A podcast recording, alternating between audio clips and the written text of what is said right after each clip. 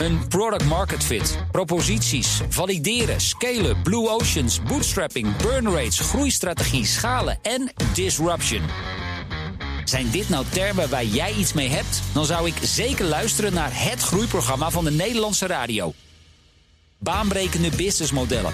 Elke woensdag tussen half twee en twee op BNR en altijd online als podcast. Baanbrekende businessmodellen wordt mede mogelijk gemaakt door Salesforce. Verenig je rond je klant met Salesforce. Met de klimaatplannen die de landen tot nu toe bij de Verenigde Naties hebben ingediend, warmt de aarde niet anderhalf graad, niet 2 graden, maar 2,7 graden op. En het gat tussen 2 en 2,7 graden lijkt niet zo groot, maar dat is een wereld van verschil. Dit is het tweede deel van onze serie in de aanloop naar de klimaattop in Glasgow, die komende zondag begint. Dit is Nieuwsroom, de dagelijkse podcast van het Financiële Dagblad en BNR Nieuwsradio. Met het nieuws verteld door de journalisten zelf. Ik ben Mark Beekhuis en het is vandaag woensdag 27 oktober. En van het Financiële Dagblad zijn bij mij in de studio Orla McDonald, die over klimaatverandering schrijft, en Caitlin Stoker, die zich vooral bezighoudt met de industrie. Gisteren hoorde je al een gesprek over de inzet van de grote blokken in de wereld, de Verenigde Staten, China en de Europese Unie. En vandaag bespreken we een rapport van de Verenigde Naties dat gisteren uitkwam. Waarin de klimaatplannen van alle landen in de wereld in kaart zijn gebracht. En bovendien is ook meteen het effect daarvan doorgerekend. En laten we deze uitzending beginnen. Niet met die hele grote thema's, maar met het nieuws van de dag. De voorpagina van het FD vandaag. De ontmanteling van de NAM. Die markeert het einde van de Nederlandse gaswinning. En op pagina 2-3 ook pensioenbelegger ABP stapt uit olie en gas. We worden overladen op het ogenblik met klimaatnieuws. En dan komt dit er gewoon nog tussendoor. Verrast of eigenlijk uh, wel in de verwachting? Nee, eigenlijk wel verrast. Ja, uh, ja door beide berichten eigenlijk wel. ABP heeft onlangs nog gezegd uh, van nou, we, we, moeten het nog maar even bezien of we uit de olie en gas stappen.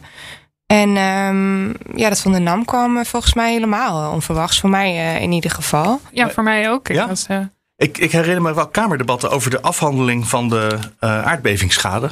En dat Kamerleden zich heel veel zorgen maakten over als de NAM daarvoor moest gaan betalen, zou de NAM nog wel bestaan over een paar jaar.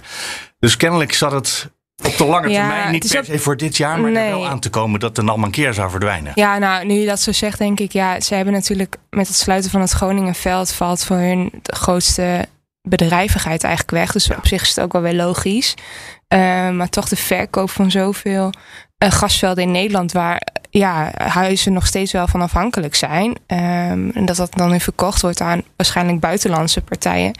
Vond ik toch ook wel weer verrassend. Ja, maar dat zou best kunnen dat andere partijen er alsnog wel gas uit de grond proberen te halen, toch? Ja, die gaan de, NAM, de NAM is weg, maar dat betekent niet dat alle uh, gaswinning ook weg is. Nee, zeker niet. Nee, want die kleine gasvelden zijn juist heel erg nodig. Wil je niet helemaal afhankelijk zijn van Russisch gas. En het ABP, hè? Dat natuurlijk uh, ineens geen geld meer gaat stoppen. Ze hadden 15 miljard in oliebedrijven, gasbedrijven. Ja. Dat is echt, uh, heeft een flinke impact. Vanaf 2023, als ik het goed heb gelezen. Oh, natuurlijk. Ze gaan er nooit vandaag ineens al hun geld eruit trekken. Maar toch. Maar ja, dat is een, een grote verandering. En inderdaad, een paar weken terug hadden we uh, in de krant een groot zaterdag interview. Um, zaterdag, als ik me meen te herinneren, goed meen te herinneren. Ja. Waarin nog vrij stellig werd gezegd dat fossiel nodig is. Dus dat... Ja. En Snappen jullie nou waarom zij eruit stappen? Want ik snapte het eigenlijk niet. Uh, gisteravond zat bijvoorbeeld uh, mevrouw Wortman, de baas daar, bij Nieuwsuur. En die werd gevraagd, wat is nou in de afgelopen maanden of afgelopen weken veranderd? En zei ze, ja, er is wel wat veranderd sinds 2015. Dan, dat is niet helemaal de vraag. uh, en dat is ook precies wat ik niet helemaal snap. Want in 2015, toen wisten we ook al dat uh, uiteindelijk we van de fossiele brandstoffen ja, ik af denk moesten? Toch, ik denk uiteindelijk toch de druk van buiten. Ook uh, uh, volgens mij een mogelijke rechtszaak die ook een, een milieuactiegroep aan wilde spannen tegen ABP. Maar toch vooral de druk van buiten dat het eigenlijk niet meer, dat het not done is om zoveel beleggingen in fossiele brandstoffen te hebben.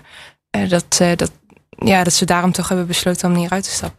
Ja, en van oudsher werd altijd gezegd van het is goed om daar een belang in te hebben, want dan kunnen we druk uitoefenen. En het meepraten over meepraten het beleid. Ja. is beter dan er afstand van nemen. Maar blijkbaar... Dat past ook bij het commentaar wat de krant vandaag schrijft. Die zegt ja, als het ABP ermee stopt, daar redden ze het klimaat niet mee. Dat is een symbolische daad. En uh, ja, nu gaat het, gaan die aandelen misschien uh, naar, of die investeringen naar dus mensen die snel geld willen. En zullen die dezelfde maatschappelijke druk die het ABP kon uitvoeren, uitoefenen, uh, zullen die dat doen? Nou, waarschijnlijk niet, want die zijn uit op geld. dus kun, valt daar iets over te zeggen inderdaad? Is dat, zou het een verslechtering zijn? Ik denk niet een verslechtering. Nee, dat denk ik eigenlijk niet. Ik denk dat een bedrijf als Shell nu ook wel denkt: shit, we verliezen toch best wel een fijne ja, aandeelhouder, om het zo maar te zeggen. Um, een betrouwbare aandeelhouder.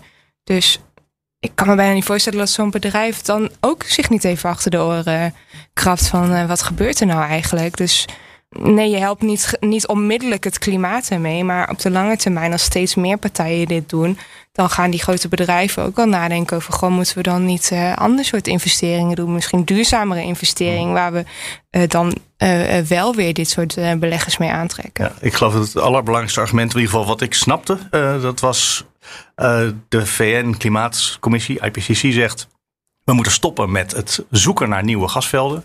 En alle oliebedrijven doen dat nog. En zolang ze daar niet mee stoppen, moeten we er als ABP geen geld in steken. Dat snapte ik nog wel een beetje. Oké, als je niet meer moet zoeken, maar ze zoeken wel. Dan hebben ze nu het bericht nog niet begrepen. Misschien het laatste setje.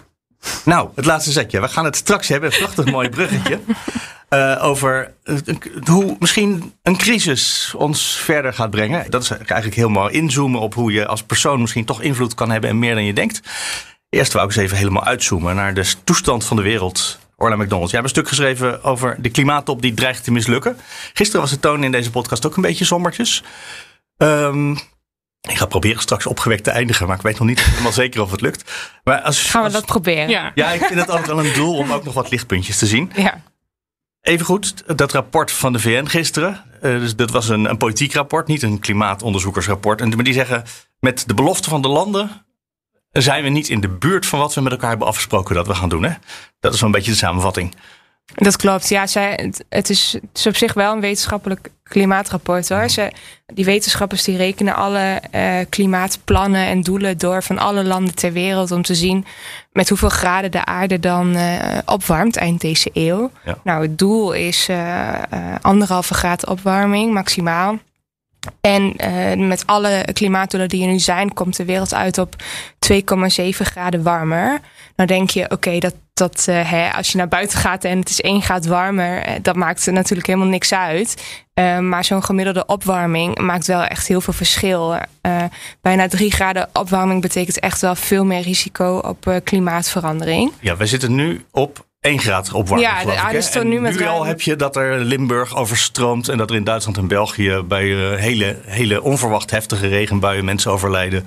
Bosbranden in Amerika. Ja, ja precies. Dus dat is 1 ja, graad. Ja, dat is 1 graad. Ja, dan, wat we nu zien is, is, is dan 1 graad ongeveer. En de bedoeling is om op anderhalf uit te komen ongeveer. Dus in de Maximaal, buurt van waar we nu ja. zitten. Ja, of uiterlijk 2 graden. Maar alleen de landen doen het niet. Uh, nee, uh, nee, veel landen hebben helemaal geen, uh, geen scherpe klimaatdoelen. Um, en dan heb je met name over best wel ja, grote uitstoten, zoals China en Australië, Mexico. Um, de Europese Unie doet het eigenlijk wat dat betreft best wel goed. We hebben, of we zeg ik dan, maar. Ja, wij zijn de Ja, laat ik zo maar zeggen. Wij. wij. wij doen het best. Hè, wij hebben wel, wel plannen en, en doelen en zo. Maar ook, ook daarbij, daarvan kan je zeggen, ja, dat zijn het zijn alleen maar plannen op papier. Dat moet toch allemaal uitgevoerd worden. Alleen al die andere landen die hebben niet eens uh, wat dat betreft plannen op, op papier. Dus, uh... ja, nou, misschien is China wat dat betreft, want die hebben niet hele heftige doelen voor zichzelf gesteld.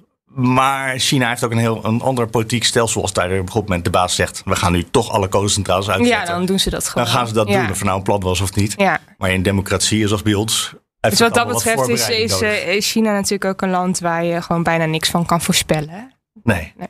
Heeft China inmiddels wel beloofd wat ze willen gaan doen? Ja, soort van wel. Ze hebben wel een, een uh, toevallig, ja, nee, helemaal niet toevallig eigenlijk. Dat, kijk, dat klimaatrapport kwam gisteren rond uh, kwart over drie Nederlandse tijd uit. Twee uur daarvoor presenteerde China een, een soort van milieuplan met, nou, dit zijn onze actiepunten. Dat is natuurlijk niet voor niks dat ze dat op dat moment doen. En daarin stonden dingen als ja, de industrie moet verder uh, energie gaan besparen. Um, we moeten meer investeren in duurzame energie. Um, maar dat zijn allemaal best wel ja, zwakke doelen, om het zo maar te zeggen. Dat, algemeen geformuleerd. Ja, heel algemeen geformuleerd. Niet met bepaalde deadlines. Um, um, en, en, gezien de, de, uitstoot van het land, ze zijn de allergrootste uitstoten ter wereld, zouden zij veel meer moeten doen om die opwarming uh, tegen te gaan. Ja, ik begreep ook. Wij proberen zo rond uh, 2030 een heel eind te zijn, uh, over de helft of zo van, van de uitstoot die we willen verminderen. Mm -hmm. Dat China zegt 2030 is een goed moment voor een piek. Ja. Dat we vanaf daar gaan beginnen. Ja, ze willen eigenlijk hun, hun uh, broeikasgasuitstoot tot, uh, tot 2030 gewoon la nog laten stijgen. Ze zien zichzelf nog als een ontwikkelingsland dat kan profiteren van fossiele brandstoffen en daar economisch van kan groeien. Ze zeggen ja, hallo, uh, VS, EU, jullie hebben 100 jaar de tijd gehad ja. om te komen waar jullie zijn. Laten we ons 200, ook even. 200 jaar stoten wij uit. In China doen ze dat pas veel korter. Ja. ja. Dus er zit misschien zelfs nog wel iets in, behalve dat het voor het klimaat niet gaat werken. Nee, dat laatste vooral, ja. ja. Het is wel logisch, maar het is niet echt logisch. Ik schrok vooral dat er landen zijn die hebben bedacht tussen de vorige top en deze keer, nou laten we onze klimaatdoelen wat bijstellen naar beneden. Ja, dat zijn er ook. Ja. Dat, dat, die had ik niet zien aankomen. Ja. Uh, Welke landen zijn dat? Weet je dat uit je hoofd? Um, we hebben een, een, kaartje in de krant. Ik kan even kijken. Ja, Brazilië, Mexico, Australië, Indonesië zie ik ook nu. Ja, en Indonesië is natuurlijk ook wel voor een groot stuk een uh, ontwikkelend land. Maar Australië, dat is gewoon zeg maar, een soort westerse wereld zoals wij hier zitten. Bovendien met heel veel zon op hun woestijn, waar je heel veel zonnepanelen in neer kan leggen. Denk ik altijd bij Australië. Ja, Brazilië is natuurlijk. Ze hebben natuurlijk die Amazone, waar ongelooflijk veel bos wordt gekapt. Um, ja, uh, bos neemt CO2 uit de lucht. Dus op het moment dat je kapt, dan. Uh, Hou je de CO2, ja, die breng je weer terug in de lucht. Ja, precies. Over CO2, misschien moeten we het daar ook nog even over hebben. Want wat, dat getal van 2,7 graden erbij, wat we nu uh, in onze huidige plannen hebben, dat is, wat was het? Het was 7. We hebben nu in de afgelopen paar jaar 7% extra plannen, geloof ik, meegekregen hè, van de wereld aan, aan CO2-reductie. Maar wat hebben we ongeveer nodig als we in de buurt van die anderhalf of twee graden willen komen? Nou, als je de aarde eind deze eeuw maximaal met anderhalf graad wil laten opwarmen, dan uh, moet broeikasgasuitstoot eh, 55% zakken. Ja, uh, tot, twee, ja, tot 2030 moet de broeikasgasuitstoot dan 55% zakken. Uh mhm.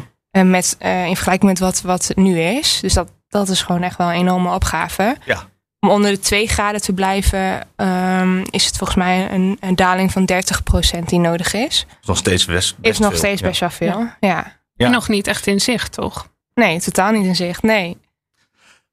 Ik zei al, de toon gisteren was een beetje sommertjes. Maar uh, misschien kunnen we iets opgewekst erin halen.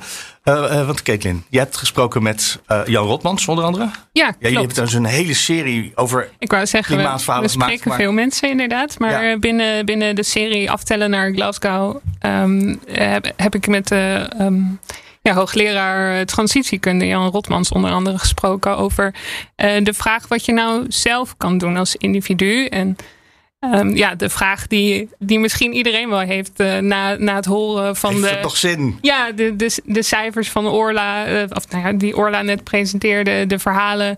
Uh, ja, ben je braaf aan het recyclen?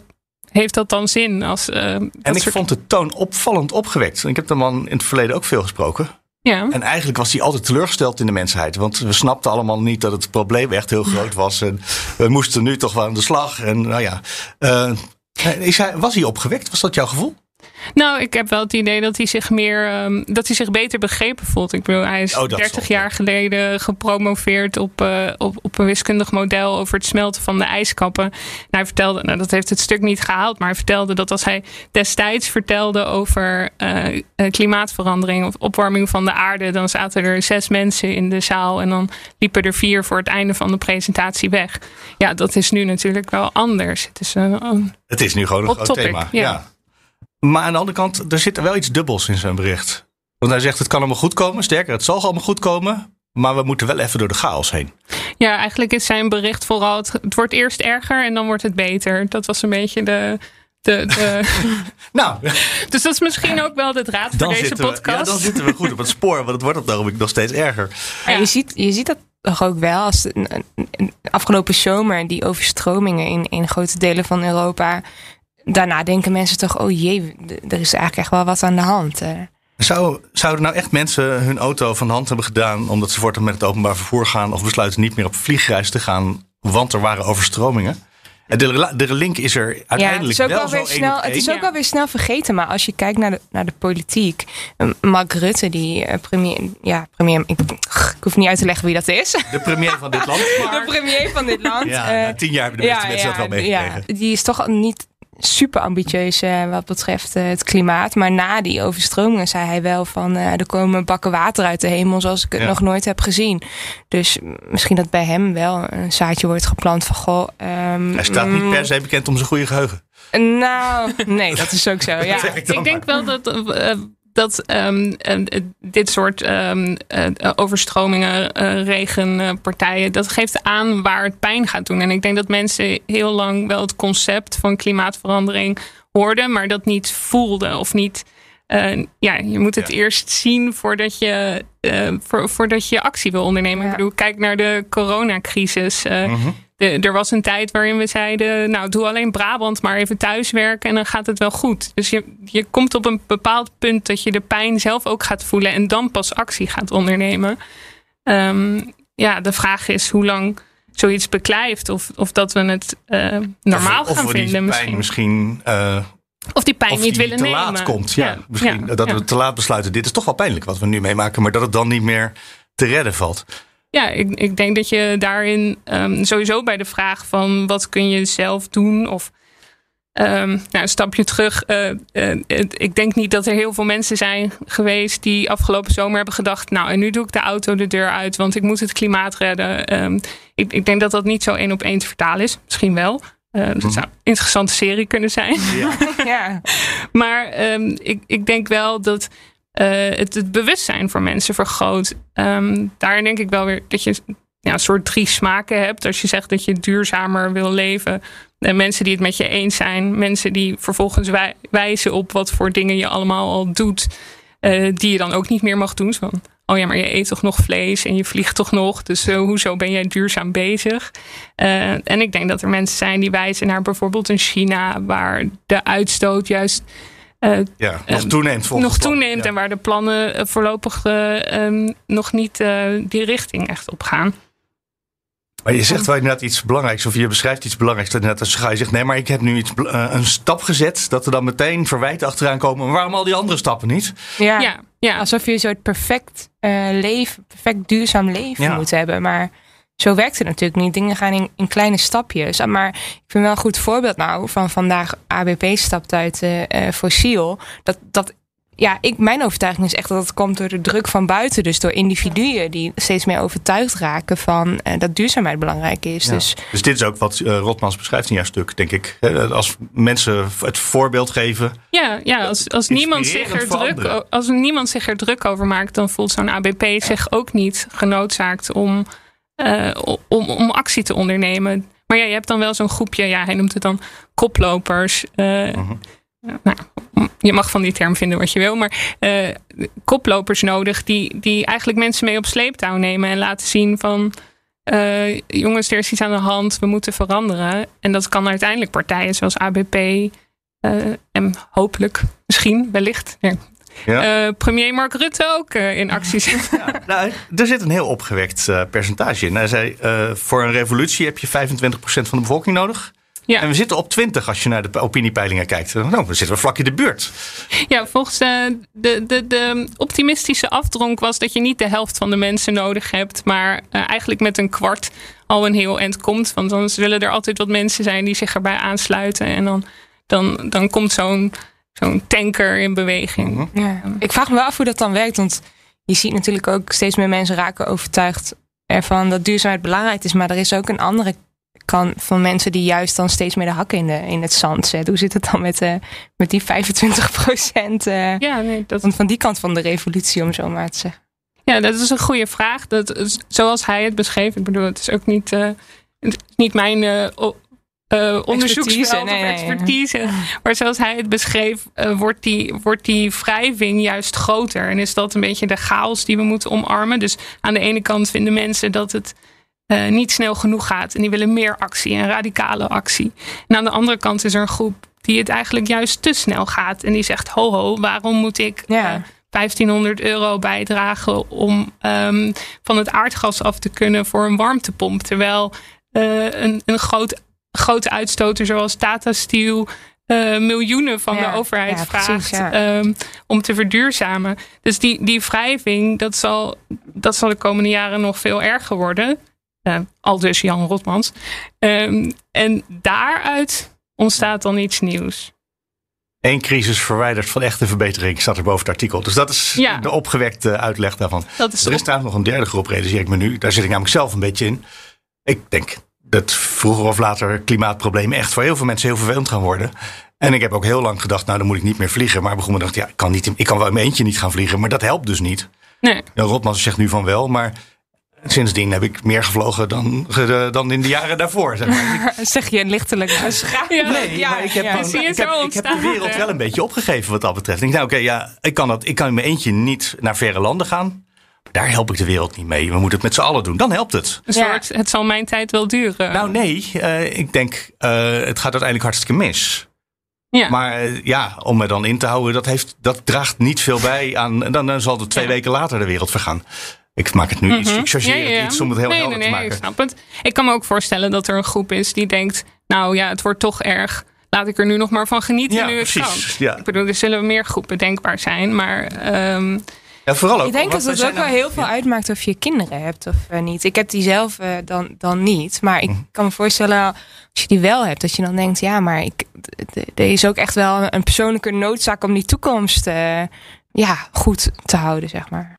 Nou, om het eventjes in de richting van Forum voor Democratie te trekken. Die zeggen altijd dat de Nederlandse uitstoot voor 0,00 zoveel procent meetelt in de wereld. Ja, Maar zelfs de Europese Unie, en jij zei net Orla, de Europese Unie doet het hartstikke goed. Als ik het percentage correct heb, is de uitstoot van de Europese Unie 8% klopt. van ja. de wereld. Dus, eh, Het is als, natuurlijk ook, dus als wij zo, halveren ja. hier, dan gaan we van 100 naar 96%. Ja, ik vind altijd dat er twee kanten daaraan zitten. Hè? Aan zo'n argument van het maakt eigenlijk niks uit wat wij doen. Aan de ene kant denk ik ja, dat, dat klopt. Als, hè, als, als Nederland eh, eh, hele eh, gave klimaatambities heeft, dan doet dat op wereldschaal niet zoveel. Nee, maar zelfs voor de hele Europese Unie, wat een enorme grote Ja. economische macht is. Ja, aan de, aan de andere kant denk ik, ehm, historisch gezien, eh, de meeste CO2 die nu in de lucht zit, is wel veroorzaakt door de Europese Unie en door de VS. Dus dat, Ja. dat maakt onze plicht daarvoor ook, ook groter.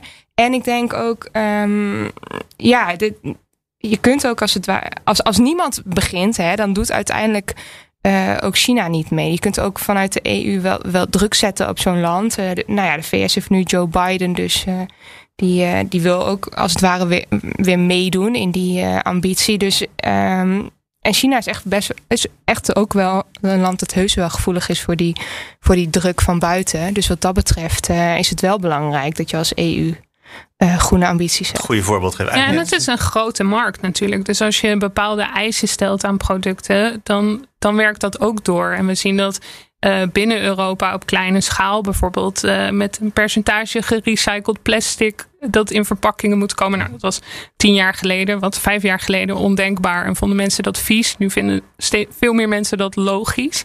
Ik kan me voorstellen dat als eh, Europa is gewoon een hele grote markt. Dus als zij zeggen. Eh, ja, je mag hier wel producten leveren, maar die moeten duurzamer. Dat dat toch een soort ja, eh, rimpel-effect, butterfly-effect, eh, Ja? om het een beetje hoopvol eh, te houden. Ja, gisteren hoorde ik in deze podcast, maar die was ook echt heel somber van toon. Zeker in vergelijking met wat wij nu bespreken. Eh, dat Europa is natuurlijk bezig om eh, aan de grenzen van Europa een eh, carbon tax, dat in het Nederlands, een invoerheffing voor Ja, CO2-uitstoot in te voeren. En China dreigt er met een handelsoorlog als we dat doen. Dus tenminste, dat, ik weet niet of het echt gaat komen, maar dat was wel de eerste reflex van de diplomaten. Ja. Ja. Ja, we gaan zien hoe dat eruit Ja, komt. dat ik vind het moeilijk om niet iets te zeggen. hebben we Ja. allemaal niet natuurlijk. Nee. Maar dit, je hebt, daar merk je dat China. Nou ja, ze zijn wel gevoelig voor de druk, maar ze zijn ook wel trots tegenwoordig, heb ik het idee. Dat ze, ze- we laten niet met ons sollen. Nee. Jullie ons CO2-belasting beta- eh, rekenen. Maar ja, veel geen- van, die, van de uitstoot in dat land is... Kijk, ze maken ook heel veel producten voor de, de westerse markt. Dus eh, ja, ehm Toch denk ik dat we heel goed een jaar zonder kerstverlichting zouden kunnen. houdt Ook gewoon is dat heel ouders. erg voor heel veel mensen. maar ik bedoel dat soort eh, alle prularia die uit China komen. En er zijn ook, ook nuttige dingen, maar er komt heel veel plastic, zou ik maar zeggen. daarvan Ja. Mhm. En dan vergaat de wereld niet. Eh, nee, maar Jullie ja, kijken heel moeilijk. Ik gedacht dat er geen kerstverlichting komt. Eh, Dat kun je toch gewoon hergebruiken, Mark? Dat is toch veel eh ik heb duurzamer. Ja, maar mensen mogen dat ook dan. Ja, gewoon één keer het is zo lastig, joh. Mensen moeten dat, mo- mogen dat ook zelf weten, toch? Ja, het is niet. eh, Als jij elk jaar nieuwe kerstverlichting eh, wil. Ja. dan, ja. Ja, die zullen En ik denk dat de grens van wat duurzaam is, wat Orla ook al zei, er, het is niet, er is niet één perfect plaatje of er is niet één wedstrijd. Er, er is niet de winnaar van duurzaamheid. En als je leeft, dan zul je spullen verbruiken. En eh, goed, dan wordt het erg filosofisch. Ja, dat Maar mag ik-. Af en toe. Maar ik denk dat er voor iedereen een bepaalde grens is aan, aan wat je wil doen of wat je kan doen. En ook Mhm. waar je financieel tot in staat bent. Dat is natuurlijk ook nog een belangrijk aspect. Ja. Kijk, er zijn mensen die vinden het eh, mega duurzaam om eh, hun eh, avocado pit te raspen en door de sla als croutons te gebruiken. Want dan gebruiken ze dat deel ook. Maar er zijn ook mensen die veel eh, ehm, eh, eh, eh, stelliger zeggen: ja, ik eet geen avo- avocado's. Ik bedoel, die grens ligt voor iedereen ergens anders. Het is natuurlijk wel, iedereen maakt op zo persoonlijke keuzes. Maar je kan je ook afvragen of je op een gegeven moment een soort ondergrens moet afspreken met z'n allen. Omdat je ergens wil uitkomen. Namelijk bij die twee graden uiterlijk. ja, maar zoiets moet wel van de politiek komen, denk ik. Als in meer belasting op eh, fossiel. Ja, dan, dan wordt de benzine duurder, dan wordt een vliegticket duurder. Dat, eh, ja, dat is dan wel de consequentie daarvan. Ja, zo breng jij mij op een hele elegante manier bij het laatste stukje wat ik wil bespreken nog. De industrie en de, de overheid, die staan altijd een beetje naast elkaar. Het is echt een eh, hobbyonderwerp van me. Maar volgens mij word ik hier nu langzaamaan een beetje optimistisch over. Want in, jarenlang was het dat de overheid zei: ja, wij kunnen eigenlijk niks. Want het zijn de bedrijven die de uitstoot eh, doen. De, Mm. de bedrijven zeiden: ja, wij kunnen niks. Want als we wat gaan doen, dan hebben we concurrentienadeel vergeleken met het buitenland. Of eh, dan jagen we ons op kosten over iets waarvan we helemaal niet weten hoe zeker de toekomst is. En langzaam begint, voor mijn gevoel, de overheid, zeker de Europese overheid, begint echt regels te stellen. Bedrijven beginnen ook wel eh, naast de woorden die ze zeggen, nou behalve dan misschien eh, Shell, als je ABP mag geloven. eh, maar langzaam zich aan te passen aan het idee dat er misschien iets moet. Zijn die twee misschien samen? Ze zaten altijd op elkaar te wachten. Zijn ze nu misschien samen in beweging gekomen? En dan kunnen we toch wel een beetje opgewekt eindigen, ook in dit opzicht. Nou, ik denk dat je daarbij de, de consument of de maatschappij als derde pijler toch nog steeds moet, Mhm. moet ehm, meenemen. als consumenten. Ik, ik, Maar, maar ik wilde nog wel een stapje terug doen. Want het gevaar van eh, met elkaar gaan wedijveren hoe duurzaam je bent. Mhm. Elkaar de maat nemen daarin kan natuurlijk ook leiden tot wat mensen noemen consumentenactivisme. Dus eh, vleesschaamte, vliegschaamte, fast fashion schaamte. En terwijl eh, wij met elkaar naar elkaar aan het wijzen zijn. nou, fashion schaamte, daar doe ik niet aan hoor. Fast fashion schaamte maar. Nee, jij loopt nooit met grote zakken van de Primark door de Ik ben in mijn leven nog niet één keer in zo'n winkel geweest. Maar eh, ja, het gevaar is dat mensen naar elkaar aan het, eh, aan het wijzen zijn. En de eh, overheid en het bedrijfsleven, even chargerend, hè, denken van nou, Ja, ja, dit is wat Shell Goed- altijd goed zegt. gesprek, De, goed klanten willen benzine van ons, dus wij moeten het leveren. ja, wij zijn niet degene die de auto vol tanken. We leveren het alleen. Ja, En dat argument snap ik ook nog. Daarom zou je hopen dat de overheid op een gegeven moment zegt bedrijven, het mag niet meer. Hè? Ik bedoel, want dat, dat zijn de enigen die iets kan. En die wezen tot nu toe altijd terug naar het bedrijfsleven. Zeiden, ja, jullie moeten het oplossen. Eh, en ik heb het idee dat omdat de overheid wat stelliger aan het worden is. Niet in Nederland, niet in al die landen. Of, maar op Europees niveau in elk geval. Dat daar wel iets eh, in beweging gekomen is. En dat dus bedrijven dan ook denken, oh, daar moeten we kennelijk iets mee. Zien jullie dat? Jij bent van de industrie natuurlijk Ja, eh, ik, voor de krant. zeggen, ik dacht, ik, ik voelde aan dat dit een vraag voor mij is. Maar Ja. eh, ehm, nee, ja, ik heb wel het idee dat bedrijven ehm, meer doen of de urgentie voelen. Ik weet niet zozeer of dat nou enkel door de overheid komt. Ik Hm. denk dus. ehm, ik bedoel, er zijn in de afgelopen jaren tal van plannen en roadmaps. En Ja. eh, nou ja, iedereen is in eh, 2050 eh, ehm, CO2-neutraal als je, als je de plannen eh, gelooft. Ehm, ik denk dat je, dat je gelijk hebt. Dat, dat die elkaar eh, scherper proberen te houden. Of dat de overheid eh, scherper kijkt naar bedrijven. Maar ik denk dus ook dat de maatschappij, bijvoorbeeld zo'n Shell-zaak.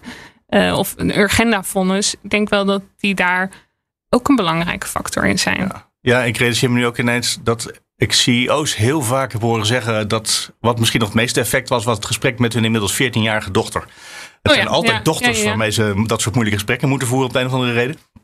Is toch fijn? De, de wijsheid ligt bij de jeugd hier maar weer. overduidelijk, ja. Nou, ja. Als je het niet uit kan leggen aan je dochter dat je geld verdient met wat je in je bedrijf doet. Ja. Dat is misschien dat, eh, jij zei net al, Orna, uh, kinderen hebben. Dat is vast heel belangrijk. Nou, misschien dat dat wel heel ja, erg ik denk fysiek dat wordt in, zo'n, uh, in het gezin mag van ik hopen dat, e dat een CEO ook uh, daar niet vanaf uh, van laat hangen van zo'n gesprek. Ja, maar ik heb dat echt zo vaak gehoord dat ik inmiddels begin te denken dat dat een mechanisme is wat misschien wel meer doet dan consumentendruk of regels vanuit de overheid. Nou. Nou, nu ben ik al het vertrouwen in het bedrijfsleven verloren. Ja, een soort CO2-schaamte of CEO-schaamte krijg je dan ja, ik, ik kan me ook voorstellen dat er jarenlang uh, in, in bestuurskamers werd gezegd: ja, uh, wij kunnen voor heel veel geld gaan verduurzamen, maar onze concurrenten in, in China, bij wijze van spreken, gaan gewoon door op dezelfde voet. En veel goedkoper. Ja, en, als we hier die regels krijgen, dan gaan we de export gaat naar Turkije of naar China. Ja, en dan uh, de, wil je de werkgelegenheid hier houden, dan zul je wat moeten accepteren. Um, maar ja, ik denk dat die, die maatschappelijke druk, of dat nou van een 14-jarige dochters aan de keukentafel is of van uh, nou ja, klimaatzaken, ik denk dat dat toch beide partijen in beweging zet. Want uh, alleen vanuit de overheid dat opleggen is denk ja. Nou ja, Jan Rotman gaf daarbij een goed voorbeeld voor um, omtrent het roken bijvoorbeeld. Dus ja. Uh, nou ja, 50 jaar geleden was het. ja. ja 15 jaar geleden, denk ik. Ja, nou ja dat, ik denk dat iedereen wel de verhalen kent van de, de, de verjaardagsfeestjes met de glaasjes op tafel waar de sigaretten in, uh, in stonden. Um, nou ja, ik denk dat, dat nu dat daar anders op gereageerd zou worden. Um, maar dat was ook eerst een klein groepje mensen die in beweging kwam na de eerste onderzoeken wat voor gezondheidseffecten daaraan liggen, uh, uh, aan vastzitten. Toen kwam een grote groep in beweging en toen kwam de overheid met regelgeving. Dus ik, ik denk dat alleen naar de overheid, alleen je hoop vestigen op de overheid en het bedrijfsleven, dan moet je wel lange adem hebben. Bijna gingen we opgewekt eindigen. Bijna. Bijna. Ik ga jullie allebei heel hartelijk danken. Orla McDonald en Kate Stoker. Allebei van het Financieel Dagblad. Dank je. Dank je.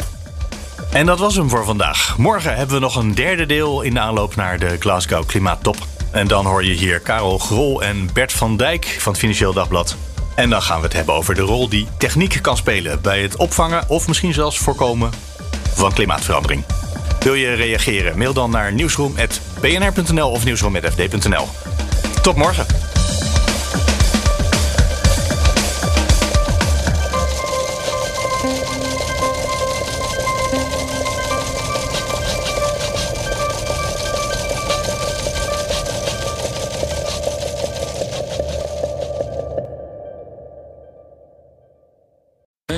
Market Fit, proposities, valideren, scalen, blue oceans, bootstrapping, burn rates, groeistrategie, schalen en disruption. Zijn dit nou termen waar jij iets mee hebt? Dan zou ik zeker luisteren naar het groeiprogramma van de Nederlandse radio. Baanbrekende businessmodellen. Elke woensdag tussen half twee en twee op BNR en altijd online als podcast. Baanbrekende businessmodellen wordt mede mogelijk gemaakt door Salesforce. Verenig je rond je klant met Salesforce.